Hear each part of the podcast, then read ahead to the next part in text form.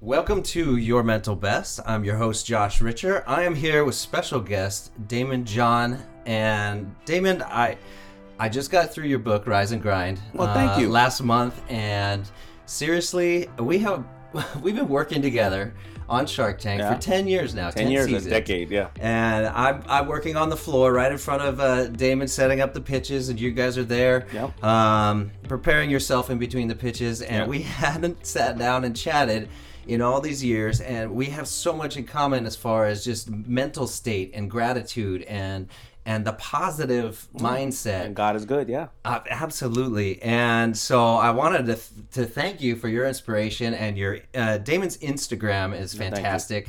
And also Daymond on Demand. I just got into that and I'm starting to uh, learn a lot from you and learn from the best. It's oh, I amazing. appreciate it, man. Thank you. So And thank uh, you for all you do for us and have done for us. So, so you know, you, you you know, people don't realize all the people behind the scenes that make us look good. I get to just sit in the chair and argue with Kevin, right? So, right? And you guys do it well. yeah. um, so your mental best, uh, what we what we've been building and what my listeners are into is we're we're keeping up a, a positive minds, mindsets. You know, I, I had a business crash actually a few years ago. I don't uh, didn't share it with you at the time, but uh, it took me down, and I was dealing with depression, and anxiety, and I had to figure out how to get out of that. So I was really curious, and I think the listeners would be really curious. What was a time that you were down, and what did what did your life look like at that point, and how did you get yourself out of it? Ah, you know, I think in many many times in my life, my life was down. I mean, you know, you have things that are going to bring you down from, um, you know, being lost and not realizing what you want to do, or or business is not going right, or you, you break up with a girl or a guy, or you know, you find out you are everything is going right in a business, but you find out your passion and those things are not being, um, you know, really satisfied. So, you know, we don't have enough time to talk about all the times I've been down, but you know, I can share a couple of things with you. You know, I was uh, I, I thought I was too smart for my own good, and I didn't go to college. I took that one year off, which became forever. And uh, all the hearing about that. yeah, and all Yeah. the kids that I thought were dumb or, or or corny because I was supposed to be so hip at the time, you know, when they started coming back from college, I was 21, 22 years old. I was serving them shrimp and Red Lobster as a waiter, and I realized maybe I maybe I made some mistakes. Um, But you Also- slogged it out at Red Lobster Yeah, too. yeah, I mean, you I- stayed till the you couldn't stay anymore, and the would, business these- needed more. Right. I mean, but that takes five years, right? And how do you get out of a how do you get out of being depressed and and something turned in five years that you never would think it turned at all, right? Right. Um. Also, you know, uh, you know, uh, growing up in my neighborhood, you know, they all told us that we would be dead or in jail by the age of twenty one, and many of my friends were, and I used to always start to believe what society said that Yeah. if you're young, a minority, you have no rights in any other place, and all you are supposed to do is play music or basketball or a drug dealer, right? And So- how'd you beat that? you know, well, first of all, it all starts from having, and I know a lot of people watching you right now, parents. It started. It started from having a really great mother who believed in me and told me she loved me regardless and mm-hmm. unequivocally, right? So, mm-hmm. so number one, she always said that she loved me, and she also said you're gonna have your falls, your ups and downs, but you know that's what it is, and that's the part of the process. And and I and I- and I, I also learned by her examples. She would also work very hard. It also was about having mentors in my life and great people that will come around. And the mentor doesn't have to be somebody who's a gazillionaire or super well known. They can be just somebody at your church or your teachers are mentors as well. But you just have to trust in them. If uh, if a teacher is coming to school and they're teaching you every day and they're spending time working with you and you're a little dyslexic kid, you, in in the end of the day, you have to realize why is this person just putting so much time in? They care about me.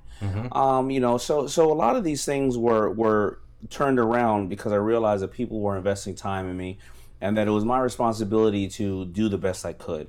And I would fail often, but as I kept failing, it would also teach me on what I was doing wrong and the little things that I was doing right, and I'll start to perfecting those things. You know. And was there a point that you was there a point that you remember that you flipped when you started believing in yourself, or when you started to really feel it inside and own it and and Well, what I what I started to do was I started to not not that I believed in myself, but I knew what I was doing. I could sleep at night, and my worst outcome was I was doing something I love. So now we're talking about the five years of Red Lobster when I decided to go back to Red Lobster and work there, and I decided to do Fubu on the side. Now Fubu was being was fulfilling a need of mine.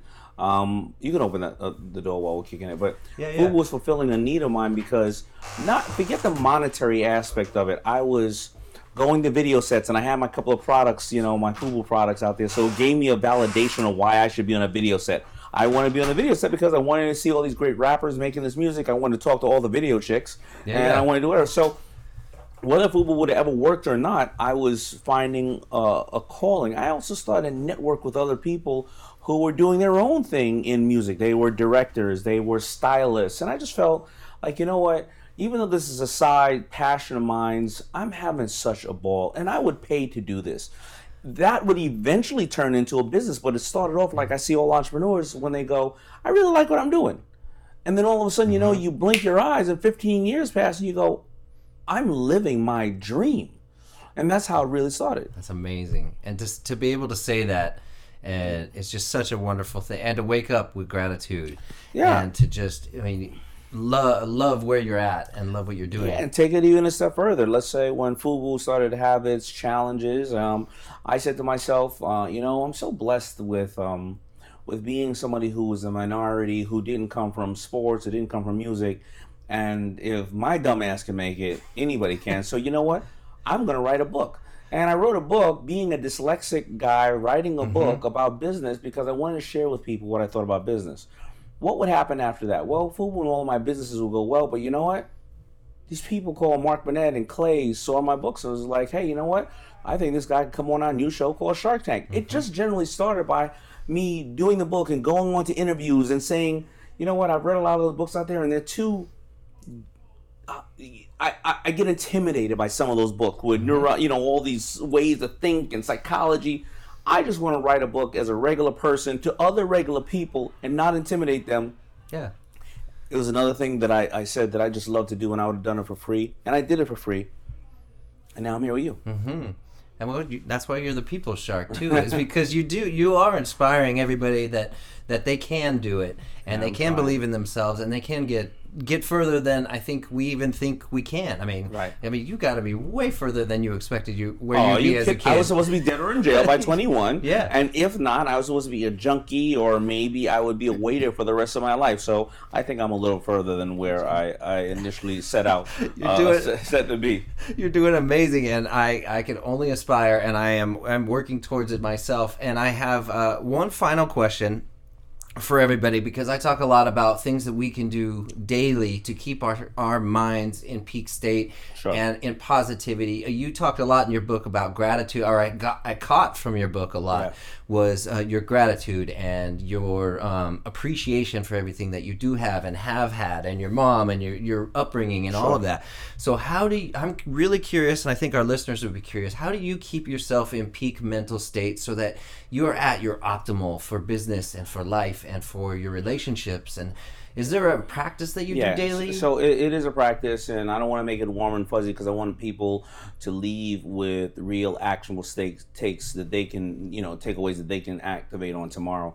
So whether it's on my Rise and Grind book or anything else, and I've shared it with many people, it's I do goal setting. And you know, goal setting is something that is uh, something. The first time I read it, it was Napoleon Hill Think and Grow Rich book, Yeah.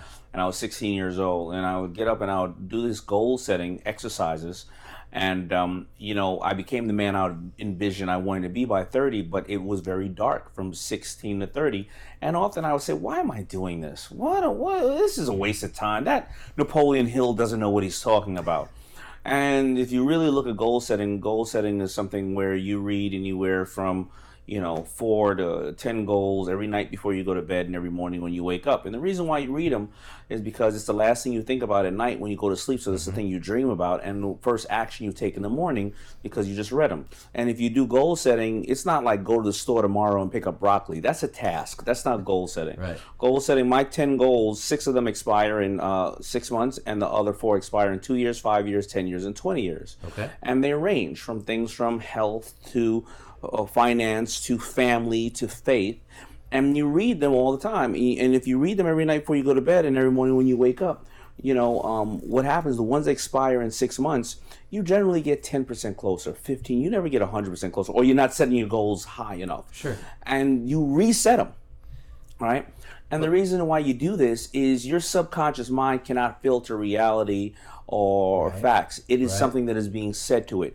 And whether you are in control of the goals that you read, uh, you know, at night to yourself, if you're not in control of them, you're setting different goals. The thing you're worried about the most at night is the thing you're repeating in your head mm-hmm. every single night. And if you're repeating it every single night, you're going to dream about doing it. And every single morning when you wake up, you're going to slowly lead towards that thing. So you could be in a very bad relationship and say, I never, I'm never going to get a good man or a good woman. Well, then you're never going to get you're a good man or a good yeah. woman right? Um, You're absolutely right. You have to push all that garbage out yeah. and put those things in, and even then, you may not get, you know, what you want, but it happens. And you're sure you will sure get a hell of a lot closer to what you want. yes, by holding on to those goals and dreams and doing small steps. You, like you said, you might not make it, but you sure as hell won't be caught back in the past with your and 100%. And it's okay. You know, sometimes I can sit here and preach all I want about doing it, and sometimes I don't do them for two weeks, and I go, why am I feeling so uneasy? Why is this thing? Why I don't? Why don't I not have the same passion about this thing that's in my goals? Wait a minute. I haven't read my goals. you, you, know, you know what I mean? So, right, uh, right. so, so I, I don't want to act like I'm perfect. You know, you know, times get dark, things happen. As entrepreneurs, the high suicide rate of entrepreneurs is mm-hmm. challenging mm-hmm. because you know everybody watching this now you know, if you're an entrepreneur, uh, you know, you're somebody that you can't tell your staff your problems because then they're going to leave. You're working from one month to one month, going hope uh, this this account, you know, gives us our money. Your staff is telling you all their damn problems, so they think you walk on water, and you have nobody to talk to. So if you can't goal set and do these things, then you know, then you won't get yourself on track. And you know, we have too many people out there in the world saying, "Go hard, balls to the wall." Oh, it's easy, yo. You're not working hard enough. Y'all sleep when I'm dead. That's all crap. They're all screwed up. It's bullshit. And That's bullshit. I, I, you uh, remember in my book that I actually almost committed suicide due yeah. to all that negative thinking and sure. and the weight and everything and it is. I mean, the do do do. I think guys too were sort of taught to just muscle through it and keep going and work harder. And What's I, up? Yeah, I worked that... myself to the bone, and it was all that shame and failure when everything went down that that's what brought me down. Yeah, well, listen, if you know, I say in the book Rise and Grind, when you wake up, don't answer any emails for the first hour because all you're answering is everybody else's problems, right? Sure. Everybody's coming into sure. your head Eh, the beginning of the day to tell you their problems because your emails are never going to be that problem we had last month. I solved it, and there's a check for a million dollars heading your way. That's never going to happen, right? and also, I said there's plenty of time. Don't go on social media for the first hour because everybody on social media they're talking about how great they are when they're just all screwed up. If you wake up in the morning and spend the first hour listening to everybody's problem and getting social media depression because everybody's acting like everything is good, then you already started off your day horrible. You didn't start your day thinking about yourself, how much you love God, you love your family, or the, the, the, small accomplishments you had yesterday and how you're going to double that today. And and the, you know it. you know listen, everybody here, they're the only people that have the blueprint to themselves. We can only tell these people and tell others and share share with others what has helped us, and that we've been also hurt and depressed at times, and then allow them to say, you know what, I'm going to change this blueprint and the narrative in my life. Mm-hmm. And we do have the power to change. That's right. We really do. And I want to, Daymond, thank you. thank you. Thank you for spending doing, the man. time. and uh, I love spending time with you on set. Thank you all for joining us on uh, another episode of Your Mental Best here with Daymond John. Thank you all, and uh, we'll catch you next week.